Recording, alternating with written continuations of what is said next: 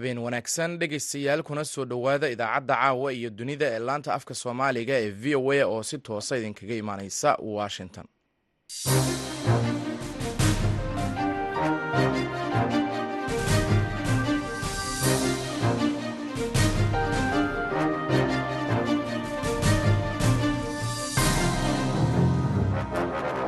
Waa fiidnimo isniin ah bisha janaayo ee sannadka labada kun iyo saddex iyo labaatankana waa soddon waxaad naga dhagaysanaysaan mawjadaha gaagaaban ee lix iyo tobanka iyo sagaal iyo tobanka mitriban iyo bogga v o a somali dtcom saacadda afrikada bari waa toddobadii fiidnimo. Idaacadda caawa iyo dunida waxaa idinla socodsiinaya anigoo ah maxamed bashiir cabdiraxmaan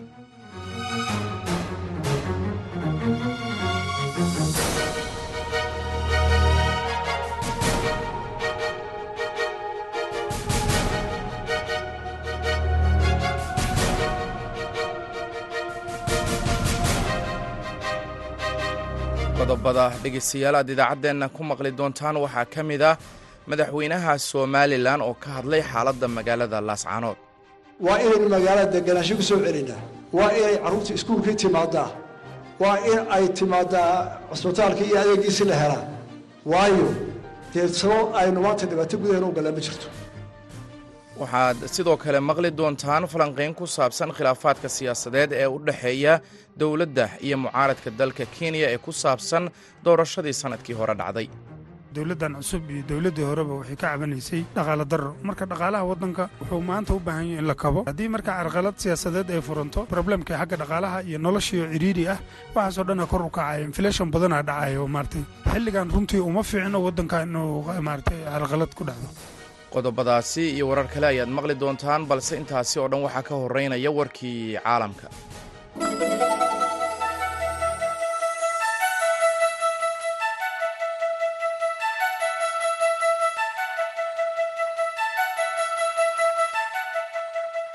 ugu yaraan toban qof ayaa lagu dilay duqaymo loo adeegsaday diyaaradaha aan duuliyaha lahayn oo lala beegsaday kooxaha iiraan taabacsan ee bariga dalka syriya waxaana saddex ka mid a dadkan ay ku dhinteen duqayn dhacday isniinta maanta ah. Taliyo ku-xigeen taabacsan iiraan ayaa ka mid ah saddexda qof ee lagu dilay duqaynta maanta sida ay ku waramayso hay'adda la socota xuquuqda aadanaha ee syriya ee fadhigeedu yahay britain hay'adda ayaa sheegtay in taliyaha iyo laba qof oo la socotayba aysan u dhalan dalkaasi siiriya gaariga uu la socday taliyaha ayaa kormeerayey goob fiidnimadii axaddii shalay ay diyaaradaha droniska ahi ku dileen. Toddoba qof oo kooxaha iiraan taabacsan ka tirsan kuwaas iyadoo diyaaraduhu ay sidoo kale burburiyeen kolonyo lix baabuur oo nuuca qaboojiyaashu ay ku rakaban yihiin ah kuwaasi oo la sheegay in hub ay iiraan leedahay oo ka yimid ciraaq ay u wadeen suuriya hay'addu waxay sheegtay in kolonyada lagu beegsaday gobolka xuduudda ee albu kamaal halkaasi oo ay sheegtay inay ku badan yihiin kooxaha iiraan taabacsan. Ma jiro dal ilaa iyo hadda sheegtay inuu fuliyey weerarka laakiin israel ayaa horey u fulisay boqolaal duqaymo iyo gantaalo ay gudaha siiriya kula beegsatay kooxaha iiraan taabacsan iyo ciidamada siiriya xogayaha arrimaha dibadda ee maraykanka antony blinken ayaa sheegay inuu ku boorin doono israa'iiliyiinta iyo falastiiniyiinta inay qaboojiyaan xiisadda isagoo isniinta maanta ah tegaya israa'el iyadoo waa xilli ay socdaan rabshadihii ugu xumaa muddo sannado ah.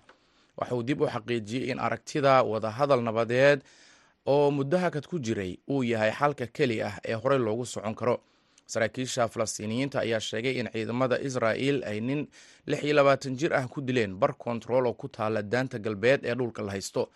Ciidamada ayaa sheegay inay rasaasta ku fureen ninkan oo gaari watay markii uu ku dhaqaajiyey mid ka mid ah askarta isagoo isku dayey inuu ka baxsado kontaroolka lagu baarayey israa'il ayaa heegan sare gashay kadib markii qof falastiini ah uu jimcihii toddoba qof ku dilay bannaanka macbad ku yaalla magaalada qudus kaasi oo ahaa weerarkii ugu dhimasho badnaa ee sannado ka dhaca magaaladaasi toogashada ayaa daba socotay kadib markii khamiistii israa'il ay toban qof oo falastiiniyiin ah ku dishay waa falastiiniyiin ah ku dishay weerar magaalada jiniin ee daanta galbeed ay ku qaaday ugu dambeynna madaxa guud ee shirkadda tiktok shu zi jiw ayaa ka soo muuqan doona fadhi uu yeelan doono guddiga tamarta iyo ganacsiga ee koongareeska maraykanka kaasi oo dhici doona bisha maaj xilli sharci dejiyaasha maraykanku ay baaris ku wadaan abkan muuqaalada lagu wadaago ee shiinaha laga leeyahay.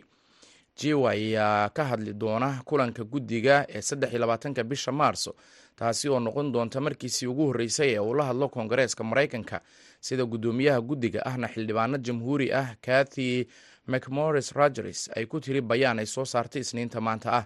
Warkan ayaa soo baxay iyadoo guddi hoosaadka arrimaha dibadda ee koongareeska maraykanku uu qorsheynayo in bisha dambe uu cod u qaado sharci looga gon leeyahay in isticmaalka tiktok looga joojiyo maraykanka sababo la xiriira walaaca ku aadan amniga qaranka tiktok ayaa xaqiijisay in jiw uu ka hadli doono kulanka koongareeska. Macmaris rogers iyo sharci dejiyaasha kale ee jamhuuriga ah ayaa ka dalbaday tiktok. Macluumaad dheeri ah iyagoo doonaya inay ogaadaan saameynta abkani uu ku leeyahay dhallinyarada iyadoo uu jiro walaac ku aadan in waxyaabo waxyeello leh iyo falal aan anshax ahaynba ay suurtagal tahay in dhallinyarada isticmaalaysa madashan ay kala kulmaan.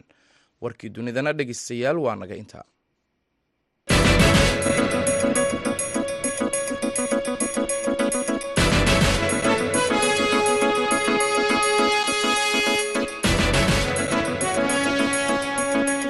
halka dhegeystayaal wararkaasi aad kala socotaan. Waa laanta afka soomaaliga ee v o a oo si toosa idinkaga imaaneysa washington. Aynu ku horeynaya madaxweynaha somalilan muuse biixi cabdi ayaa maanta ka hadlay shir dhaqameedka ka socda magaalada laascaanood ee gobolka sool maalintiisii saddexaad. Warbixintan waxaa noo soo dirtay sagal mustafe xasan madaxweynaha somalilan muuse biixi cabdi oo maanta ka qayb galay munaasabadda hirgelinta sanduuqa horumarinta dhalinyarada somalilan ayaa waxa uu ka hadlay xaalada gobolka sool. Waxaanuu sheegay in colaada sool ay dabada ka riixayaan kooxaha argagixisadu. Kana dambeeyaan dhibaatooyinka iyo dilalka halkaasi laga geysto. Dadka reer sool oo ah hormoodkii somalilan taariikhiyan haddii ay tahay iyo hadday maanta tahayba ku subtaan magacan somalilan taariikhdiisa qeybta ugu weyn ku leh. Maanta dhibaatada jirta waxaan isweydiinaynaa maxaa keenay? Waxaan doonaya halkan inaan ka caddeeyo oon caalamkana u sheego cudurmada u sheego dhibaatada maanta ka jirta laascaanood waxa keenay argagixisada caalamiga. Dhallinyarada iyo dadka maanta mudaharaadkaa wadaa uma wadaan xumaan iyo nacayb ay u qabaan jamhuuriyadda somalilan iyo dadka somalilan oo dalkooda midna uma qabaan. Waxa maanta dhalahooda laga buuxiyey oo dhibaatada weyn abuuray argagixisada caalamiga ah waxay si gaadmaa ugu dishay muddo toban sano ah afartan qof oo haldoorka somalilan ah oo ah kuwii dowladda u shaqeynaya kuwa taageera ayay si gaadmaa u dishay. In badan argagixisadii khidadaa dhigtay oo ka lahayd qorshe dheer oo istaraatiijiga say dalka iyo gobolka khalkhal u gelin lahayd waxay abuurayeen nacayb ah waxa dishay dowladda dowladda somalilan somalilan walbay ka koobantay. Cid gaara ma aha. Marka waxaa la abbaarayay oo argixisada u diyaargaroobaysay in ay burburiso maamulka iyo dowladda ka dhisan dalka. Kolba intii ay gaari karto muddo ayay qorshaha shaar walba u soo gashatay. Argagixisadu mar wuxuu gashanayaa shaar diiniya mar wuxuu gashanayaa shaar qabaa'ila mar wuxuu gashanayaa shaar aqoonyahana mar wuxuu gashanayaa shaar siyaasiya qayb oo bulshada abuu kula matalaya. Madaxweynaha somalilan maruu ka hadlayey madax dhaqameedka ku shiraya gobolka sool ayaa waxauu yidhi shirka madax dhaqameedka ee laascaanood ka socda waxaan ka rajaynayaa wixii laga rajayn jiray ee caadada u ahaa madax dhaqameed kasta. Dad kastoo islaama cid kasta oo wax garanaysaa shirarka madax dhaqameedku iyo odayaasha fadhiyaan wuxuu ka taliyaa mar walba nabad wadajir midnimo iyo in fidnada laga hortago kama duwanaan doono shirka lascaanood waxgaradka iyo islaamka isugu tegaysa aanu arkaayo in ay soo saari doonaan wixii dalka jamhuuriyadda somalilan dadkiisa iyo dalkeenna u dara. Oo ka hortaga fidmo mooye kama filano inay balaahi ka soo dhacdo sidoo kale madaxweynuhu waxa uu sheegay in dowladda somalilan ay diyaar u yihiin nabad iyo xal laga gaadho khilaafka ka taagan gobolka sool dowladda somalilan oo maanta madaxeedu halkan fadhido hadday tahay fulintii iyo xeerdejintii shalay aanu kula joogo annagoo dhan waxaanu diyaarinahay dhibaato kasta oo jirta wax kasta oo dowladda laga tirsanaayo inay si nabada oo walaaltinimo ah oo la wadaago oo loo siman yahay oo nin walba ra'yigiisa keeno oo inagoo midaysan oo walaalnimo iyo danteenna iyo wanaaggeena ka shaqaynayna aynu nabad xaalad ku soo celino. Waa inaynu magaalada deganaansho ku soo celinaa waa inay carruurta iskuulkii timaadaa. Waa in ay timaadaa cusbitaalkii iyo adeegiisi la helaa. Waayo dee sabab aynu maanta dhibaato gudaheena u gallaan ma jirto. Waxaanu ka soo horjeednaa haddaan dowladda nahay qof kasta oo shar iyo fidmowda qof kasta oo balaayo horseedaya. Qof kasta oo diidan nidaamka iyo horumarka. Sagal mustafa xasan nuur v o e hargeysa.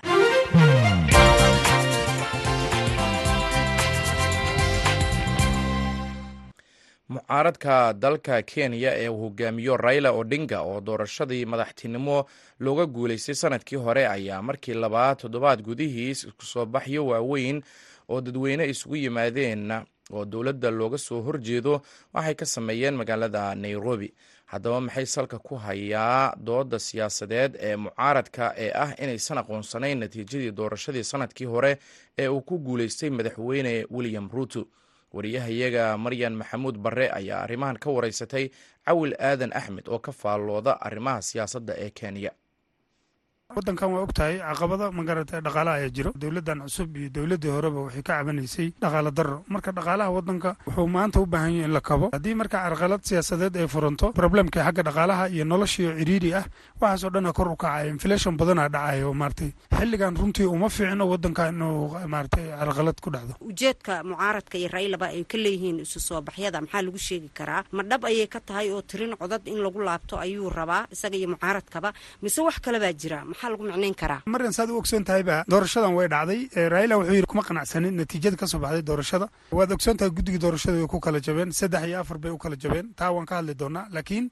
markii ay taa dhacday kadib waxaa laisla tegey maxkamadaha kenya ee la yidhahdo supreme courtka. Supremekii ayaa muddo dheer kadib falanqeyn kadib ay dhegeysi labada dhinac ay dhegeysteen dhibaatooyinka ka cabanayeen waxay go'aan ku gaareen doorashada si xaq u dhacday supreme courtka waa the highest organ oo macnaha waxaa la odhan karaa waa meesha ugu sarreysa sharci dejinta waddankan kenya. Haddii sharci dejinta waddanka meesha ugu sarreysa ay go'aan ka gaartay waxay ka dhigan tahay go'aankii ugu dambeeyey inuu yahay. Doorashadii meeshii horta la taagnaa waa laga soo tegey meel kale oo ay kaga gudbi karaan ay markaa jirin. Point of contagiouska hadda la isku haysta waxaa waayey guddigii doorashada saddexdii tiri waa xaq. Xilki ayaa ka dhammaaday wakhtigooda waa dhammaaday. Lix sanay hayeen xilliga waa ka dhammaaday. Saasay xilka uga degeen. Afarti kalena waxaa lagu furay maxkamad tribunal guddi la sameeyey arrinkooda baaritaan ku sameeyaan. Maxkamad waxaa loogu furay macnaha qaabdhaqameedkooda in la baaritaan lagu sameeyo. Macnaha guddoomiyaha guddiga doorashada intuusan warbixintiisa soo saarin bay iyaga waxay ka soo saareen warbixin warbixinta oo ay ku eedeynayaan waxa uu soo waday jabukati ama guddiga doorashada guddoomiyaha guddiga doorashada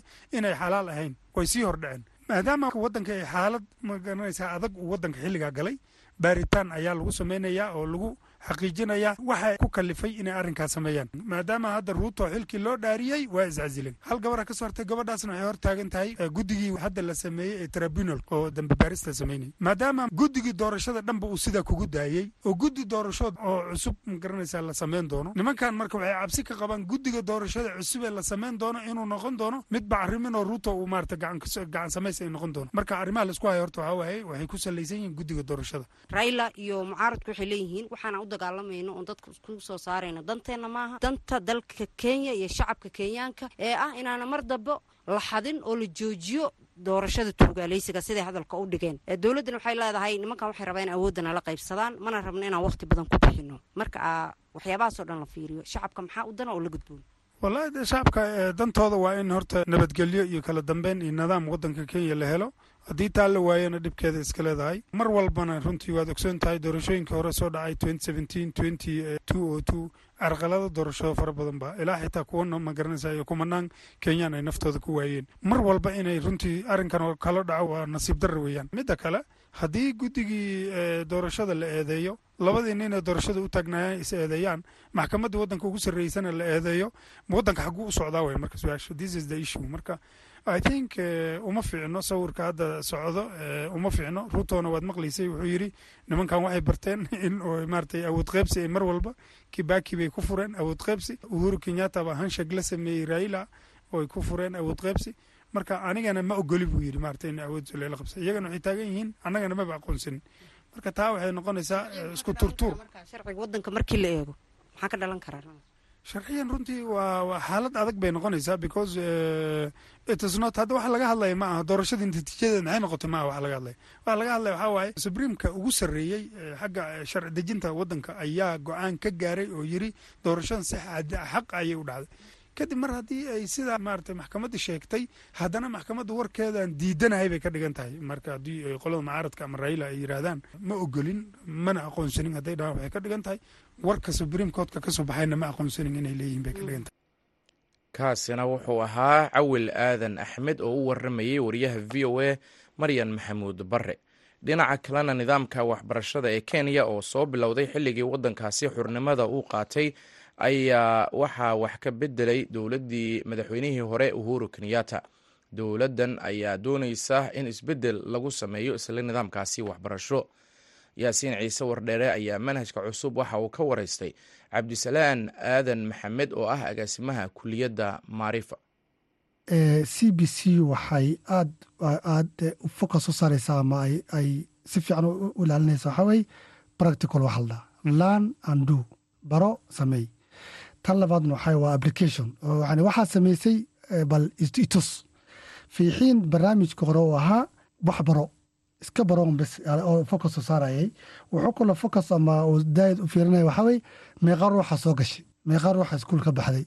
Waxaa kaloo jira yani yani wuxuu eight form four wuxuu aada loogu dhaliilay waxaa weye examination wax la dhaha. Hebel uu a helay hebel b ayuu helay. Dadkii baasayna way qoslayaan kuwii dhacana way burbureen. Nidaamkan cusuban exaamku shaqo kuma laha. Waxaa la dhahaa assessment waxa la sameyn doonaa imtixaana lama sheegi doono. Waalidka unbaa ogaan doona iskuulka ayaa ogaan doonaa nidaamka cusuban hadaad fiiriso waa nidaam ku salaysan maxaad baratay maxaad sameyn karta. Kii hore maxaad baratay bisaa laga hadli jiray. Waktigii la qaadan jirayna waa iska badneed waan ka hadli doonaa. Marka nidaamkan waxaa la dhahaa c b c. Caalamka markaad fiiriso dhowr magac ayaa tacliinta loo bixiyaa. Marka aad fiiriso seshels ama seshels mehe moritius waa wadanka afrika ugu yar badda ku dhex yaalo nidaam waxay leeyihiin waxaa la dhahaa value based waxa lay qaateen valuega. caalamkan kalena qaar waxay qaateen waxaa la dhahaa knowledge based aqoonta bis waxa hortuna wax yaqaano. Marka waxaa rabaa kenya waxaa la dhahay waa in skillska focus la saara. Skillska waxaa weye ruuxa inuu wuxuu barto horta sameyn karo.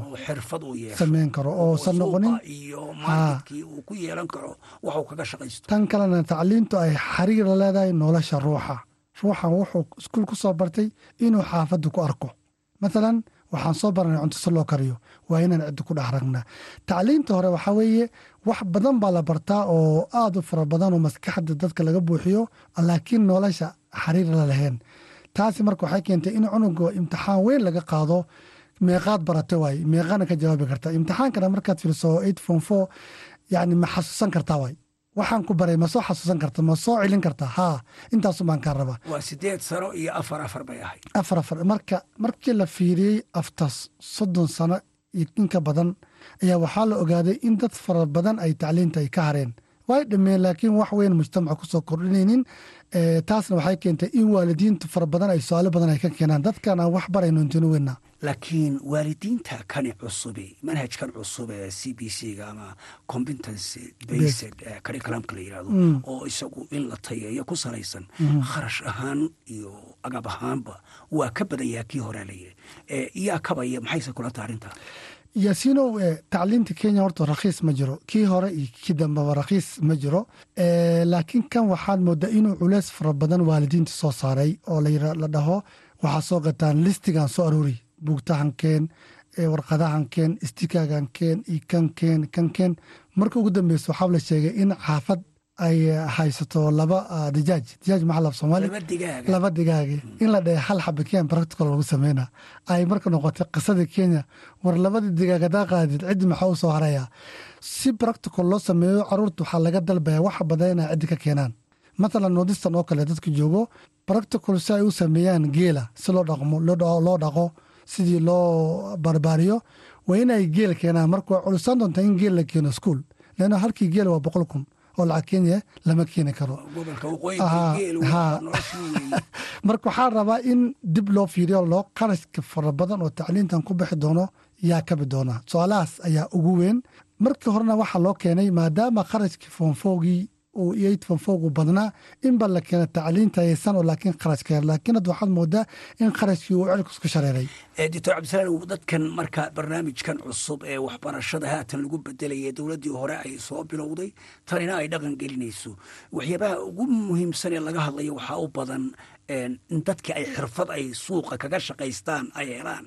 Si ay markaa aqoon la siman ay u helaan kuwa caalamka oo lagu yareeyo dadkii khubarada dibadaha laga keenayay taa ka war waa runta taas waa point aada muhiime in bal wadanka horta isku tashto taas oo dadkiisi wax la baro dhanka skillska. Ma aha in theory laga hadlo. Tan labaad ugu weyn waxaa weye in kenyaanku human resource ahaan la jaan qaadi karaan caalamka.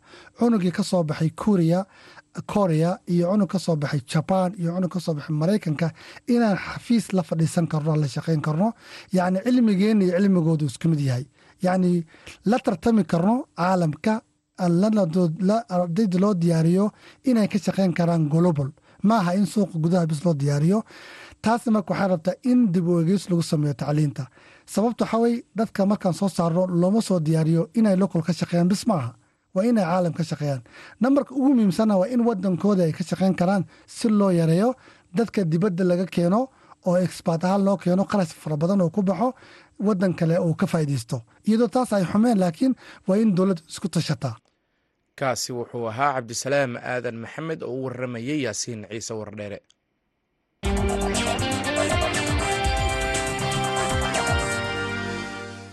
Hay'adda caafimaadka adduunka ee w h o xafiiskeeda soomaaliya ayaa sheegay in dad ka badan afartan boqolkiiba soomaalida haatan laga tallaalay xanuunka covid sagaal iyo toban hay'addu waxa ay sheegtay in la sameeyey olole ballaaran bilihii ugu dambeeyey sannadkii hore si loo gaaro bartilmaameedka la hiigsanayay oo ahaa afartan boqolkiiba dadweynaha in laga tallaalo marka la gaaro disembar labadii kun iyo labaiyo labaatankii. Waxay sheegeen mas'uuliyiintu inuu bilaabanayo wejiga kale ee lagu tallaalayo dadweynaha inta dhiman. Haaruun macruuf ayaa hawshan tallaalka ka wareystay. Maxamed cabdulaahi cumar oo ka mid ah saraakiisha mashruuca tallaalka soomaaliya ee w h o waa mahadsan tahay haruun. Runtii sidaad ka warqabtaba dee adduunyada markii uu dilaacay cudurka covid nineteen ka bacdi sanad ka bacdi waxaa la bilaabay in la fuliyo tallaalo waddamada kala duwan. Wadan walba siduu u fulin lahaana istraaji gaara iska lahaa marka soomaaliya si waxaa la bilaabay sidaan og tahayba markii adduunyadu ugu deeqday in tallaalka covidka laga tallaalo laba kun iyo kow iyo labaatan laakiin bishii saddexaad laakiin de sidii dee la dareemayba dadka soomaaliyeed hore tallaalka umay qaadanaynin xoogaa waxaa iska jiray cabsiyo iyo shakiyo badan iyo warar been abuura oo la xiriiray tallaalada sida adduunyada dhanba ka dhacaysay. Sidaas daraaddeed ayaa muddo dhan waxaa socotay tallaalku isagoo available ha yaalay tallaalka oo la heli karo. Ayaan dadku si wanaagsan u qaadanaynin. Taasina waxay sii kordhinaysay dee maadaama cudurku mar walba surrogaal celinayay inay cabsi badan jirto oo ay qabeen dowladda soomaaliyeed iyo hay'adaha la shaqeeya oo w ka mid tahay. Marka dadaallo badan ayaa la sameeyey runtii sidii loo gaari lahaa sababtoo ah hay'adda caafimaadka adduunku waddamada taargedihii u samaysay wadan walba inuu maaragtay iyadoo la fiirinayo dhaqaalihiisa iyo awooddiisa farsamo inay gaaraan ayaa loo sameeyey taarget marka soomaaliya wadamadaas taargetka loo sameeyey ka mid ahay dee mas'uuliyaddana dowladda soomaaliyeed iyadaa la shaqeeya ayaa lahaa. Marka welwal badan ayaa jira sidii taargetka lagu gaari lahaa. Sidaas daraaddeed ayaa dadaallo badan la sameeyey si maaragtay dadka wacyigooda kor loogu qaado iyo ololayaal ballaaran oo dadka lagu gaarayo. Marka taas ayaa keentay in xoogaa horumara laga sameeyo oo taargetkii loogu talagalay la gaaro. Marka bartilmaameedkiinu halkee buu ahaa imise qofaa hadda la tallaalay dadka soomaalida? Bartilmaameedkii wuxuu ahaa in la gaaro bartilmaameedka la iigsana wuxuu ahaa december laba kun iyo labaatan iyo labo. Marka taargetkii loogu talagalay waa lagu gaaray oo sannadkii u dhammaaday december laba kun iyo labaatan iyo labadii waxaa la xaqiijiyey boqolkiiba afartan kow dhibic toddoba. Marka soomaaliya la isku daro markii talaalka la bilaabay ilaa haddana waxaa la talaalay ilaa sideed milyan toddoba boqol labaatan iyo lix kun saddex boqol labaatan iyo sagaal qof ayaa la talaalay oo oo ah mujtamaca soomaaliyeed oo ku nool gobollada kala duwan iyo degmooyinka kala duwan ee waddanka. Waaya marka maxaa idiin suurto geliyey inaad gaadhaan bartilmaameedkan wallaahi runtii haruun sida jirtaba horta caqabaduhu markii horeba talaalka lagu gaari waayey ama cabsida badan iyo welwalka keenay way badnaayeen sababo dee dadka la xiriira iyo wacyigoodana way jireen. Sababo kalena waa jireen oo ku gadaamanoo dee mar walba dadka soomaaliyeed dowladda soomaaliyeed talaalka talaal loogu deeqayay ahaa talaalka waa loogu deeqayey qarashka lagu qabanayo talaalka lagu gaarayana waa loogu deeqayey baahida talaalka loo qabay oo adduunyaduna aaday u badneed oo mar walba intii loo baahnaa lama heli karin. Marka muddo dhan waxaa jirtay horta caqabaddu waxay ahayd xagga sidii la isku heli lahaa qarashkii lagu talaali lahaa iyo talaalkii loo baahnaa mar loo wada heli lahaa. Marka laakiin markii wadamo badan ay dee hore u qaateen oo wadamo badan ay gaareen taargudkooda mar hore ayaa waxaa suurto gashay inay mar talaalkii loo baahnaa in la heli karo hal mar oo loogu deeqay oo la yidhi waxaa diyaar u ah intii loo baahnaa talaala la heli karo. Iyo dhaqaali loogu talagalay oo deedka deeqbixiyaashu runtii ay ku deeqeen. Sidaas daraaddeed ayaa waxaa la abaabulay awal waxaa marka hore istiraatiijiyadda la isticmaalaya ama qaabka la isticmaalaya wuxuu ahaa in xarumaha xarumaha caafimaadka talaalka laga bixiyo. Marka markii la dib loo loo daraaseeyey dowladda wasaaradda caafimaadka iyo hada la shaqeeya waxaa la ogaaday inaan xarumaha caafimaadka dadkii aanay adeeg u wada imaan karin ama aanay soo wada gaari karin ama ay jiraan meelo badan oo xataa ka fog xarumaha caafimaadka sidaas daraaddeed ayaa waxaa la abaabulay oo loola ballaaran oo lagu gaarayo tiimam la tababaray talaalka ay ku gaarayaan qoob xaafadaha iyo degmooyinka iyo goobaha ka baxsan ilaa miyiga oo ka baxsan degmooyinka. Si qof walba oo xaq u leeyahay talaalkii uu loo gaarsiiyo qof kastoo xaq u leh oo da'da loogu talagalaya sababtoo ah da'da markaas la hiigsanaya waxay ahayd in dadka sideed iyo toban sano ka weyn. Marka dadkuna inta badan soomaalidu waa dad iska firirsan gobollo tuulooyin degmooyin ilaa miyi ilaa barakacyaal intaba way isugu jiraan sidaas daraaddeed ayaa si bishii octoobar nofembar iyo december waxaa la abaabulay oo lole aad u ballaaran tiimam aad u ballaaran oo isteedyada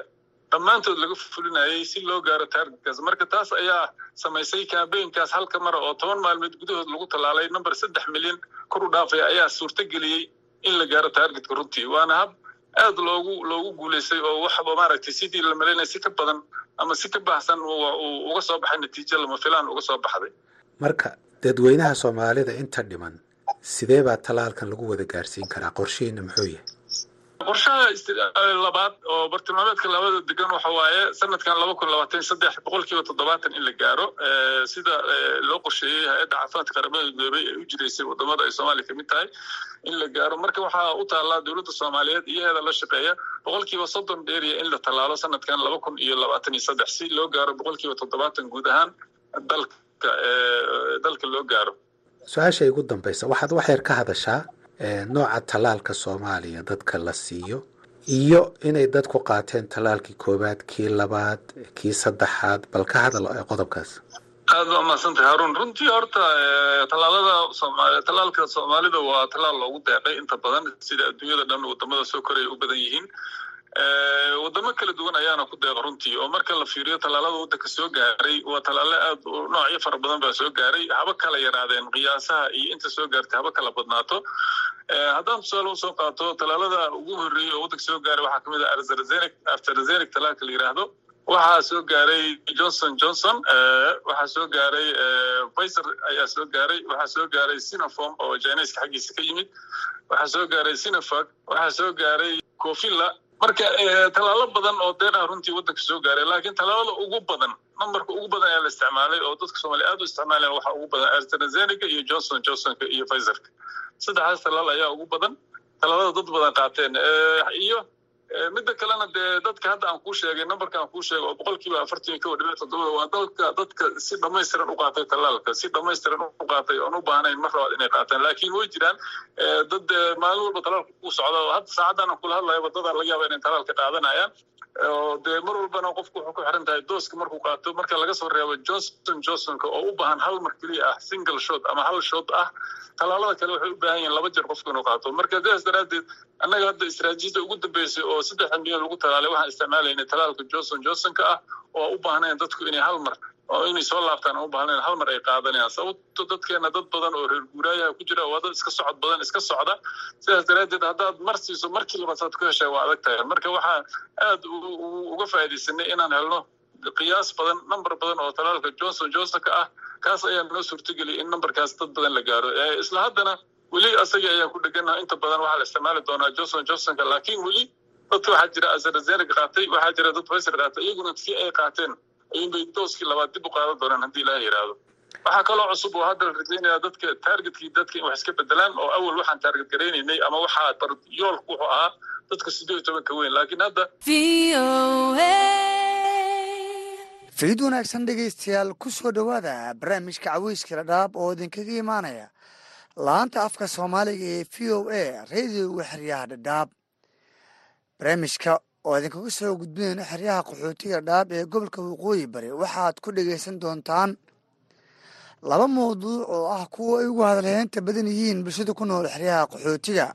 Waxaad naga dhegaysan kartaan idaacadda f m-ka v o e da dhadhaab ee ka soo gasha mawjada f m-ka ee hal eber toddoba dhibic lix meegahartis barnaamijkeena caawa waxaad ku dhegaysan doontaan arda qaxooti ah oo kaalin fiican ka galay imtixaanaadka heerka qaran ee dugsiyada sare ee dalka kenya iyadoo dhalinyar badan oo qaxooti ay si weyn u sugayeen ku dhawaaqista natiijooyinka imtixaanaadkaasi.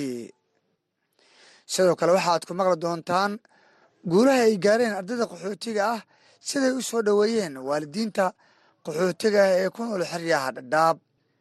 Kama marno xubintii martida toddobaadka oo aan ku waraysan doono xuseen bashiir oo ah maamulaha beer dhirta lagu xanaaneeyo.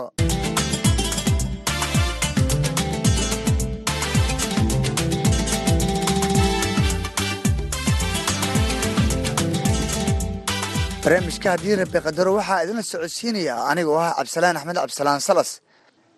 Sidaan hordhiciiba idinku sheegay wasaaradda waxbarashada dalka kenya ayaa dhowaan shaacisay natiijooyinkii imtixaanaadka heerka qaran ee dugsiyada sare ee galaaska labaiyo tobanaad iyadoo dhalinyaro badan oo dalka wax ku bartay ay si weyn u sugayeen ku dhawaaqista darajooyinka ay ka keeneen soo afmeeridda waxbarashada dugsiyada sare.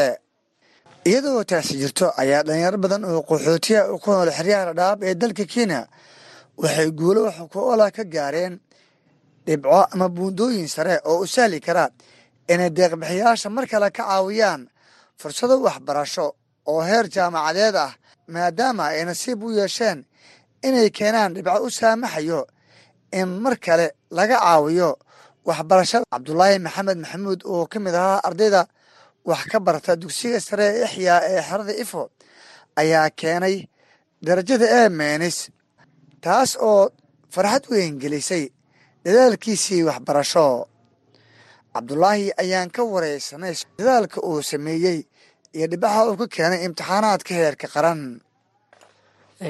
Waa mahadsan tahay horta. Magaceygu saddexan waa cabdulaahi maxamed maxamuud.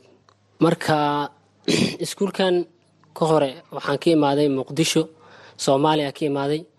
Marka soomaali waxaan ka imaaday two o nine. Marka waxaa ka mid ah ardayda ku baratay qaxootigan rafaadkan. Wax ku barta ayaa ka mid ah alxamdulilah haddana natiijada aan rajeynaya weliga ku haminaya waan helay. Marka waxaan ka mid ahay ardayda ku baratay iskuulaha qaxootiga. Waxaana dhigtaa iskuulkan ixya high school. Iskuulkan ayaan sanadooyin badan wax ku baranayay. Marka marka waxaa ka mid ah ardayda ku baratay qaxootigan rafaadkan wax ku barta ayaa ka mid ah. Taasna waxa uun lagu helaa waa dadaal dheeri iyo amarka ilaahay walaal waa tahay cabdulaahi balshaaci maxay tahay natiijada aad keentay oo aada noo sheegayso natiijada aan keena waa a minus. Qof qaxooti joogo natiijada a minus natiijo weyn waay. Dadaal badan iyo juhdi badan haweeno badan soo jeed badan. Ka bacdi waxaan ka mid noqday ardayda ugu ugu ugu koreyso xareeqan iyo northeastern dhammaan. Waa tahay cabdulaahi dadaalkan iyo guusha aada gaartay. Maxaa ka dambeeya baad isleedahay walaahi guusha aan aan gaaro horta kow mahad ilaahay a iska leh isagoo oo ii qoro inaan guushan keenay baryo badan iyo dadaal badan markaan bixiyay ilaahay amarkiis aan ku helay natiijadan weyn oo a ah. Kabacdi waxaa mahadin mahad waxaa waxaa iska leh macalimiinteeda juhdi badan igu soo dadaalay dadaal badan moralkayga ii dhisaayeen oo i dhiirigelinayeen mar walba kabacdi waxaa haddana mahad iskale hooyaday iyo waalidiinteeda dhammaan oo juhdi iyo ayagana lacagta iskuulka wax walba igula dadaalayeen inay iga bixiyaan. Mahad dhammaantooda ayaa iskale olan waayahay n waqti dheer kadib waxaad heshay natiijaa ku faraxdo. N hamigaaga iyo dabcan rajadaada waxbarasho ilaa heerkee bay gaarsiisan tahay? Wallaahi hamigeyga horta hamigeyga waxaan rajeynayaa inaan jaamacad jaamacado oo africa ka baxsan dibadda inaan helo aan rajeynayaa oo africa ka baxsan canada iyo adduunka kale jaamacadda aan helo. Aan rajeynayaa inaan inaan dhameeyo dhankaas universityga inaan dhameeyo. Waxa aan rajeynayaa inaan maalin un hamigeyga aan ka miro dhaliyaa rajeynaya insha allah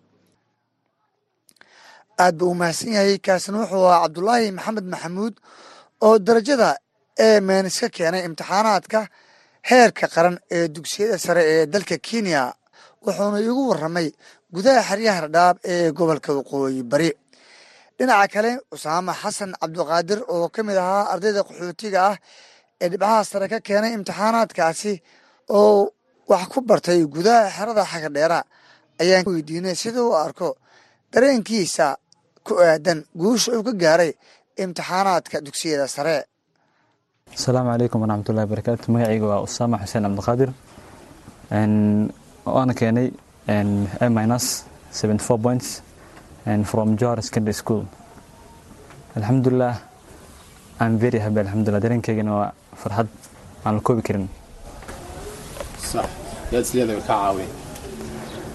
Alxamdulilah horta kow ilaaha taasaa ka dambeeyey oo ilaaha wax walba iisii qoray. Midda labaadna waxaa waaye waalidkayga iga dambeeyey oo hiil iyo hoob iga gartagnaa tan saddexaadna waxaa waaye macalimiin mar walba diyaar ii ahaa oo assignmentsiga wax walba iga caawin jireen.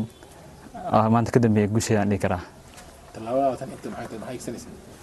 tilaabadeeda tan xigta waxaa waaye insha allah inaan noqdo nin bulshada waxtar ku leh wax badan u qaban karo oo diyaar u mar walba inuu bulshadiisa hormariyo. Dhinaca kale maamulada iskuullada sare ee ixyaa iyo jowhar oo ku kala yaalla xerada ifo iyo xagadheera ayaan ka wareysanay siday u arkaan guulaha ay keeneen ardaydan qaxootiga ah ee duruufo adag wax ku bartay sanadii la soo dhaafay waan dhowahay alxamdulilah magacayga waa cali mukhtaar maxamed ahna managerka ixya high school. Ku yaalla xarada dhaadhaab khaasatan ifo. Natiijada maanta uu ku dhawaaqay wasiirka waxbarashada ee dalka kenya. Waxay ahayd mid aan aada ugu faraxno. Waxaan suubinay imtixaanka qaranka ee loo yaqaano k c c da laba sano hore sanadkan waa sanadka saddexaad. Natiijada maanta aan keennay waxaan helnay buundo aada u wanaagsan taasoo ah ardayga noo horeeyay inuu keeno buundada la yiraahdo emina aadan ugu faraxsannahay. Guushanna waa guul. Khaasatan markaan yidhaahdo xarada dhadhaab dhammaan. Iyo gobolka waqooyi bare. Runtii aad iyo aad aan ugu faraxsannahay buundada maanta aan soo haynay iskuulka ixya hay haddii aad si guud u sharaxdo guud ahaan iskuullada dhadhaab natiijada ay keeneen ma ka duwan tahay natiijooyinkii sanadihii hore aad heli jirteen? A dabcan haa waxaan dhihi karaa isbeddel weyn ayaan xarooyinka dhadhaab ay suubiyeen. Sababtoo ah hadda waxaana soo gaaraya iskuulo qaar iyaga naftood buundada hadda aan keennay ee ah emina iyaga naftooda inay keeneen.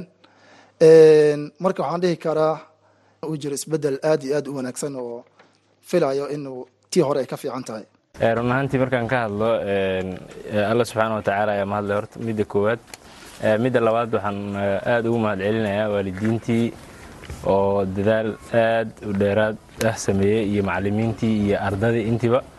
Run ahaantii dareenkeena maanta lama soo koobi karo. Markaan ka hadlo iskuulkan sannadkii labaad waaye imtixaanka hadda uu samaynahay. Sanadkii hore meel dheer ayuu gaare sanadkanna dee hadda run ahaantii wax la taaban karo ayuu sameeyey iskuulka. Waayo xagadheere hadda aagan hadda aan joogno iskuulkaasaa ugu horreeya sanadan waxaan helnay isku rareeb markii la fiiriyo natiijada. Laba arday ayaa waxay keentay a minus gradeka ah. B plus waxaa keentay labaatan iyo laba arday.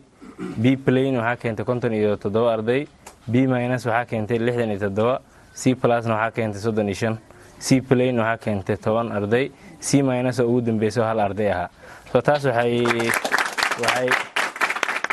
taasi waxay ay sheegaysaa isku reebka iskuulka inuu ahaa sideed dhibic laba shan taasoo ah min gradeka b plain waxay dhahaan.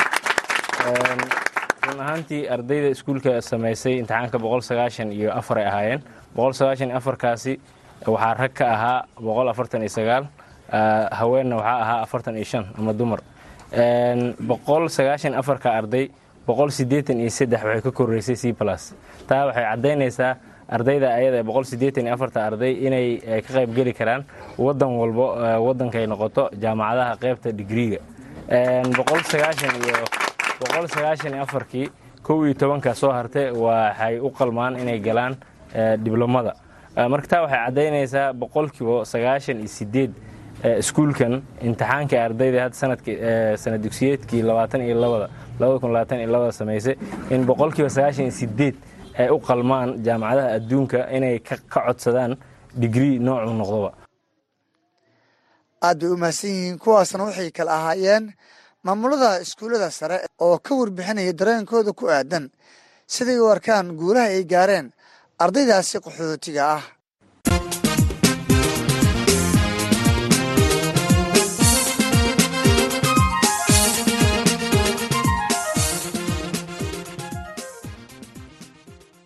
Dhegeystayaal waxaad weli naga dhegeysanaysaan barnaamijka cawiiska dhadhaab oo idinkaga imaanaya laanta afka soomaaliga ee v o a waxaa idinku soo maqan xirmooyin kale oo xiise leh oo la xiriira arrimaha qaxootiga balse aan idinku wareejiyo saaxiibkay axmed cabdulaahi jaamac axmed oo sida igula soo nagu soo tabiyo barnaamijka qaybihiisa kale.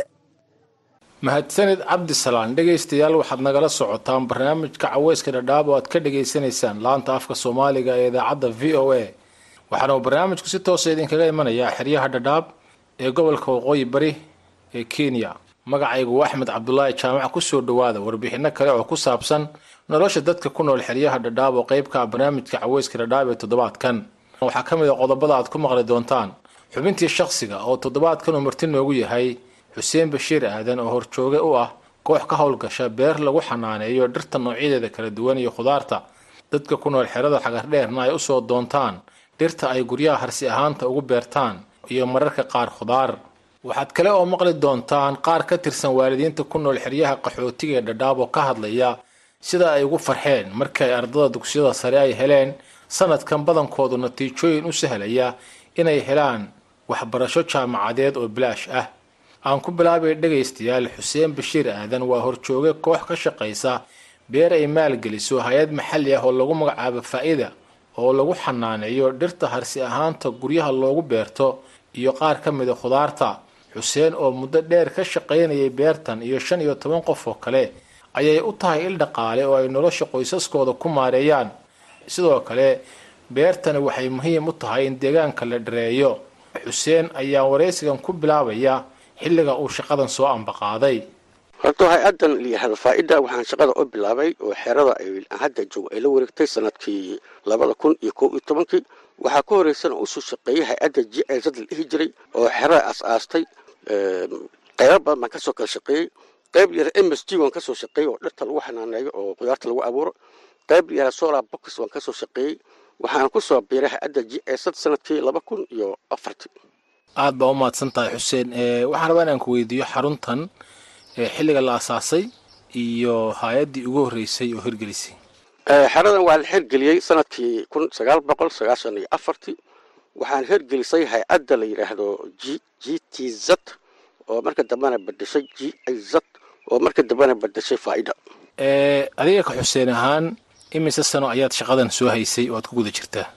Shaqada waa laba qaybood. Laamihii kale markaan u soo shaqeynaya markay noqoto waxay noqonaysaa sideed iyo toban sano sagaal iyo toban sano. Laakiin qaybtan environmentiga ee hadda aan joogo waxaan u shaqaynhayaa sannadkii waxaan bilaabay laba kun iyo kow iyo tobankii waxay noqonaysaa saddex laba iyo toban sano. Xuseen shaqo badan baad qabataa. Waa u jeedaa waxa meeshan maaragtay shaqada aad ka hayso inta ay leeg tahay. Marka maadaama aad nin qaxooti aad tahay shaqadan baaxaddan aad qabato maxay shaqadan ka tartaa qoyskaaga oo ay kaa saacidaa wallaahi horta waxyaaba badan baa iga saaciday. Maxaa yeelay waxaan ka helay waxyaabo aqoon kororsi ah. Anuu aqoonta aan watay iyo midkii kale aan ka helay hay'adda isku kaalmaystay waxaa ii suura gashay inaan abuuro beertan hadda ad adkayso dhex joogto oo ku yaalaan geedo fara badan oo ka mid yahay zaytuunka uu ka mid yahay mooska labadiisa qaybood uu ka mid yahay liinta galleyda digirta iyo geedo badan oo la harsado oo hadda aan ku soo kordhiya xerada uga jirta. Maalinkii aan xeradan joogo ayagoo siyaabo badan ay wax igu soo galaan aniga iyo shaqaalahayda markaan casarka joogno wixii meesha aan ka hel aan qaybsanno saddex boqol afar boqol inay ii soo gashaa suuragal ah oo cidda biilkeedan iiga aado maalinta ayada. Ah meel kale wax iga soo galan male ganacsina kuma jiro. Shaqadan iyo mushaharka yar ay hay'adda u siiso labadaasay reerkay ku tirsan yihiin. Waa tahay haddii aan u nimaadno shaqooyinka aad qabato bal waxaad wax iiga sheegtaa shaqooyinka aad halkan ka qabato maalin walba. Halkan waxaan ka qabanaa shaqooyin fara badan oo ku saabsan environmentiga. Environmentiga markaa qayb dhirtii baan abuurnaa oo geedihii deegaanka la siinhayay ama lagu abuurhayay oo kale ah laba qaybood. Bah akeeshia qolo la yidhahdo iyo bah timinaale qolo la yidhahdo labaduba waan abuuraa. Kadibna dadweynihii faafi deganaa ayaa kala qaata. Waxaana xeradan qaxootiga ayaa lagu dib loogu abuuraa. Adiga marka laga yimaado imise qof oo kale ayaa halkan ka shaqeeya oo meeshan ay shaqo abuur tahay. Midna waa midii hay'adda midna waa waxyaabahii annaga aan ku soo kordhinay waxyaaba ay dadweynaha ka helaan. Midii hay'adda markaan ku hormaro hay'addu waxay meesha u joogo shan iyo toban qof oo shaqaale ah. Saddex iyo toban ay yihiin shaqaalaha gacanta ka shaqeeya may laba toban ay shaqaalaha gacanta ka shaqeeya. Aniga oo madaxa ah meesha waa afar laba iyo kow iyo tobanna laba iyo tobanna ay gacanta ka shaqeeyaan oo maalin kasta ay shaqeeyaan. Hadba shaqooyinkii loo baahdo haddii ay tahay beeraha iyo hadday tahay geedaha dhirta abuurkoodaba intaba ay ka shaqeeyaan. Dhirta meeshan ku taala waa dhir badan. In badanoo ka mid anigu xataa hadda si fiican uma aqaan. Waxaa laga yaabaa dad badan oo ka faa'iidaysan lahaada inaanay qaybtood garanaynin si uga faa'iidaysan lahaayeen. Marka bal ii sheeg dhirta meeshan ku taala noocyadeeda siday u kala baxdo iyo waxa looga faa'iidaysan karo. Waa saddex qaybood waaye qayb waa flower waxa la yidhahdo ubaxyo ah oo guryaha lagu qurxisto dadka qaxootiga. Markay aroosyaha rabaan geeday u baahan jireen meel dheer bay u doonan jireen. Kadibna anigu markaan baahili arkay intaan ku sameeyey geedihii ubaxyada ahaa. Hadba ninkii aroosan oo tabar u heli kalaa gata kuwaas. Waa qaybta waa qaybta aroosyada iyo guryaha lagu saraxdo. Qaybna waa qaybta harsiga la yidhaahdo oo dadwey dadku ay harsadaan oo faafa degan qaybna waa qaybtan beeraha oo geedahan la yidhaahdo geedaha geedmiroodyada ah oo ayagan aan oo meesha ku yaalaan oo gooni looga shaqeeyo. Markaa saddexdaa qaybood ba u qaybsamaan geedahan meesha yaalla. Waxaad soo xustay in halka ay gacanta ku hayso hay'adda faa'ida oo ah hay'ad qaabilsan dhinaca ilaalinta deegaanka oo ah hay'ad lookal ah oo deegaankan martigeliya qaxootiga maaragtay laga leeyahay. Idinka ka qaxooti ahaan ama shaqaalaha meeshan jooga iyo hay'adda si u wada shaqaysaan wallaahi si wanaagsan wanaagsan wanaagsan oo sharaf leh u wada shaqeeyaan maxaa yeeley haddayna faa'iida ahayn xeerada ma suura gasheen inay baseeraba ay shaqayso waxa inay shaqayso u suurageliyey waa hay'adda faa'ida ahayd. Maxaa yeeley ayadaa keento wax kasta oo lagu shaqaynhayo hadday tahay biyaha hadday tahay carooyinka iyo digada hadday tahay bacaha haddii ay tahay qudaarta la abuuro haddii ay tahay sunta lagu buufiyo beeraha intaba waxaa keenta hay'adda la yiraahdo faa'ida oo lagu caawisa waxaad xustay halka inay ka shaqeeyaan shan iyo toban qof oo qaxooti ah marka bal haddaad ii sheegto shaqooyinka ay qabtaan iyo dhaqaalaha halkan ay ka qaataan sida u anfaco reerahooda oo ay qoysaskooda ugu maareeyaan. Horta marka la fiiriyo lacagta ay dadka qaataan waa lix kun iyo toddoba boqol oo shilin. Lix kun iyo toddoba boqol oo shilin maanta joogto qof ay wax taraysa ma jirto. Balse hay'addii marka intaa siiso shaqooyinka kale annaga aan abuurnay waxaa laga yaabaa qofkii ama maalintii inuu boqol helo ama laba helo. Marka hadduu boqol helana bishii saddex kun bay u noqonaysa. Hadduu laba boqol helana maalinba waa si ah waxyaaba badan baa runtii ku soo kordhisay. Mushaarka ay ku kaalmaystaan ay siin jirta hay'adda faa'ida marka laga yimaado dhirta kale oo meesha ku taalla oo inta badan loo isticmaalo in deegaanka lagu hadheeyo ama lagu cagaariyo khudaar baa meeshan ka baxda. Bal khudaarta ka baxda noocyadeeda haddaad ii sheegto. Wallaahi hadda waxaa u muhiimsan oo hadda maanta noo taagan waa mooska labada qayb waa moos bukeeni iyo moos boyo mooska loo yaqaano laba qaybood ah zaytuunka iyo liinta digirta iyo galleyda inta maanta hadda way noo taagan yihiin. Macnaha horaan waxaan u abuur jirnay qudaarta yiyarka ah ee nolol maalmeedka dadka ay isticmaalaan sida isbinska sukumaha iyo dhaaniyaha iyo bergaanyada wixii oo dhan hadda maanta nooma taagno oo xilliga hadda saacadda la joogo noo taagno. Laakiin waan abuurnaa waan jecelnahay xilliga soo socdo in la abuuro oo bajetka hay'adda sanadkan laba kun iyo labaatan saddexda marka ay keento yay noo keenaysaa miraha kadib aan abuurnaynaa. Waxaa ii muuqda dhir badan oo meeshan ku taala oo noocyo kala duwan leh oo ubax leh oo nooc walba leh. Marka faa'iido laga yimaado ma jiraa cid kale oo idinka taageerta dhinaca helista maaragtay abuurka mise faa'iido un oo keliya baa idin siisaa. Wixii aad u baahan tihiin abuura. Wallaahi abuurka waxaan ka helnay horta waxna gaaris baan ka soo gadanay waxna xeryooyinka hay'adaan ka soo dhex qaadanay. Waa waxaan annaga soo urursanay oo isku farsamaynay oo haddana aan sii naasirinay oo haddana aan sii qaybinay geedka la yidhaahdo baydaanka ee hadda meesha u badan oo dadweynahan ay qaataan oo ay dib u sii qaataan. Marka hore mirihiisa gaaris baan nogala keeni jira oo hay'addaa noo jirtay.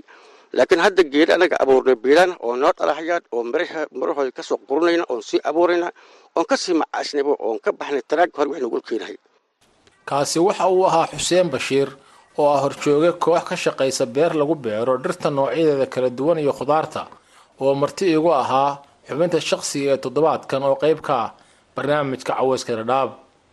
Dhinaca kale dhegaystayaal waalidiinta xeryaha qaxootiga dhadhaab ayaa aada uga sii welwela ardada ku jirta dugsiyada sare sidii ay ugu heli lahaayeen waxbarasho jaamacadeed maadaama waxbarashada laga helo xeryaha qaxootiga ay ku eg tahay dugsiyada sare. Laakiin sanadkan waalidiin badan ayuu ka hadhay welwelkaasi kadib markii ay ubadkoodu keeneen natiijooyin u sahlaya inay helaan jaamacado bilaash ah. Xuseen cabdulqaadir oo wiil uu dhalay uu galay kaalinta ugu sarraysa dugsiyada sare ayaa ka hadlaya dareenkiisa ku aadan guusha uu gaaray wiilkiisu oo markaa ka hor aanu meelna ugu ogeyn dhaqaale uu jaamacad kaga bixiyo laakiin hadda helaya jaamacad bilaasha meeshaan farxad iyo qaasa aan ka soo jeedinayaa wiilkayga maanta keenay kaalinta emenis oo aad aan ugu farxay ayaan aad uga faraxsanahay alxamdulilah shukr bilcaalamiin iyo ardayda kale oo idinkana kaalmada koowaad iyo kaalimta labaad iyo kaalin saddexaad kula galay. Alxamdulilah shukr bilcaalamiin wax walba ilaah bay hambal ilahay usugnaatay khaasatan macalimiinta oo iskoolka iyo waalidiinta juhdiga ku bixiyey. Marka halkan waxaan ka soo muujinaynaa farxadeena aadka aadka u weyn. Ayaan halkan ka soo jeedinaynaa waxay ku imaatay dadaal uu ku bixiyey waalidiinta iyo macalimiinta ay ku bixiyeen. Juhdiga waalidiinta ay taakulinayeen macalimiintii ay wax soo bareen. Waxaan rajo sugaan iska ahayn alxamdulilah shukr bilcaalamiin rajadiina waan helnay alxamdulilah dhegtan baa noo taagneyd maxaa soo yeeri doona baan lahayn. Dee dunia intaad joogtana waxaa waaye guul ama geeri waa u dhexaysaa labadaba. Alxamdulilah guusha aan gaarna ilaah baan ku xamdinana ku shukrinaya masbel axmed guuleed oo carruur ay dhashay iyo kuwo kale oo ehel yihiinba ay heleen doorkan natiijooyin sare ayaa sheegtay inay aada ugu faraxsan tahay kaalimaha ay ardadu galeen ayna guushanka waalid ahaan sugayeen in badan. Dareenkanaga wallahi lama soo koobi karo. Aad iyo aad baa xamaasadanada u kacsan tahay oo dareenkeenu u kacsan yahay. Farxad aad iyo aad u badan baan dareemaynaa insha allah. Waana midaan sugaynay sideeda waxaa jira wax aad ku xisaabtamayso inay imaan doonaan iyo wax aad macnaha kugu soo booday ah. Tan nagu soo booday ma ahan waan sugaynay macniga. Aad baan u dheerarayay inta aan gaarayno guusha maanta aan gaarnay oo kaleeto. Because waxaa tusaale fiican aha macalimiinta oo ilmaha wax jaanis waqti aan siinin. Heer xataa ilmuhu ay gaaraan xilli ay uniformkooda ku dhaqdaan oo ay sabtii axadna dhigtaan habeenkii laba saac labayo tobankii barkasay u soo galaan labayo tobanka ee laba saac habeenimay ka baxayeen iskuulka xataa cunto may doorin in xaafadaha macalimiinta sidoo kaleeto waqtigooda waxay ku qaadan jireen iskuulka. Marka waa farxad iyo guul aan macnaha filayay weliba intaan in ka badan inaan gaari doono insha allah anugu koley shaqsi ahaan waxaan dareensanaa tan tu ka sii badan inaan gaari doono. Laakiin waxaan rajaynayaa sanadaha soo socda inaan tan iyo tu ka sii badan oo wadanka dhan aan kula tartanno inaan isheeg heli doono oon lamarka u qaadno ilaha idankiisa dadka inay dhegaystaan laga yaabo iyo ardayda aan hadda gareedka ay keeneen aan ku qanacsanayn oo dadaalka badan iyo waqtiga badan iyo waalidiinta soo bixiyeen waxaan kula dardaarmaya horta waalidiinta in ay ilmahooda macnaha ay niyadda u dhisaan ay intii ku filan ay gubaabiyaan ay hami farxadeed siiyaan. Ciyaalkan waxaan ugu baaqayaa inay is qalbi jabin oyna hami dhicin oo ay wakhtigu maanta bis ma ahan ay dib mar labaad ay isu soo dhisaan. Kuwa guulaysan waxaan u sheegayaa in macnaha intaan in ka badan ay sugayso oo intaan hadda bilowga jaran jarta meesha koowaad bay hadda soo koreen. Marka waxaan rajaynayaa in ay kor u sii socdaan oo hamigooda soosu dhicin.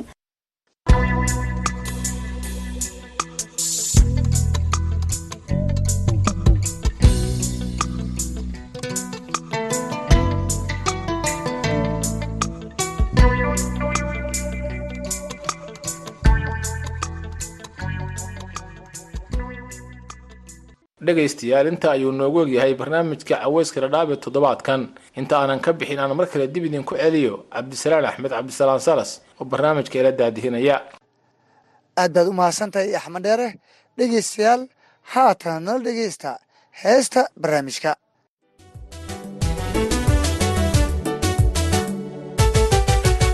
Daniyo xeel baan wadahaa jacayl dir aban hayaa waxban sidaa dushadan saaraya. Hadaad danab fiicantay daryeelkayga igu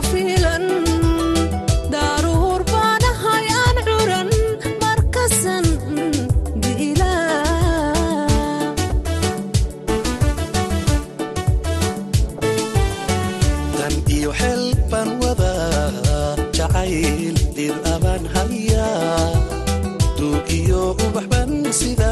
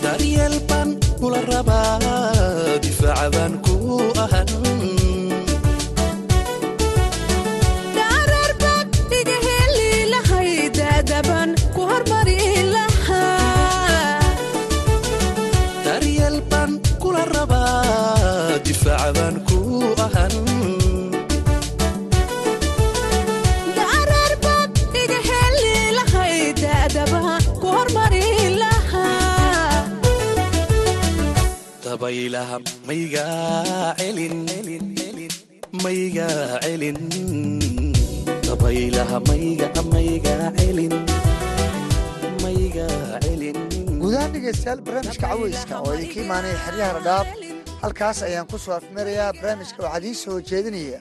Anigoo ah cabdisalaan axmed cabdisalaan salas iyo saaxiibkay axmed cabdulaahi jaamac axmed deere tani intaan dib ugu kulmi doono barnaamijkan barnaamij xiga. Dhammaanteen waxaan idinkaga tegaynaa ammaana allah. Daniyo xeel baan wadaa jacayl dir abaan hayaa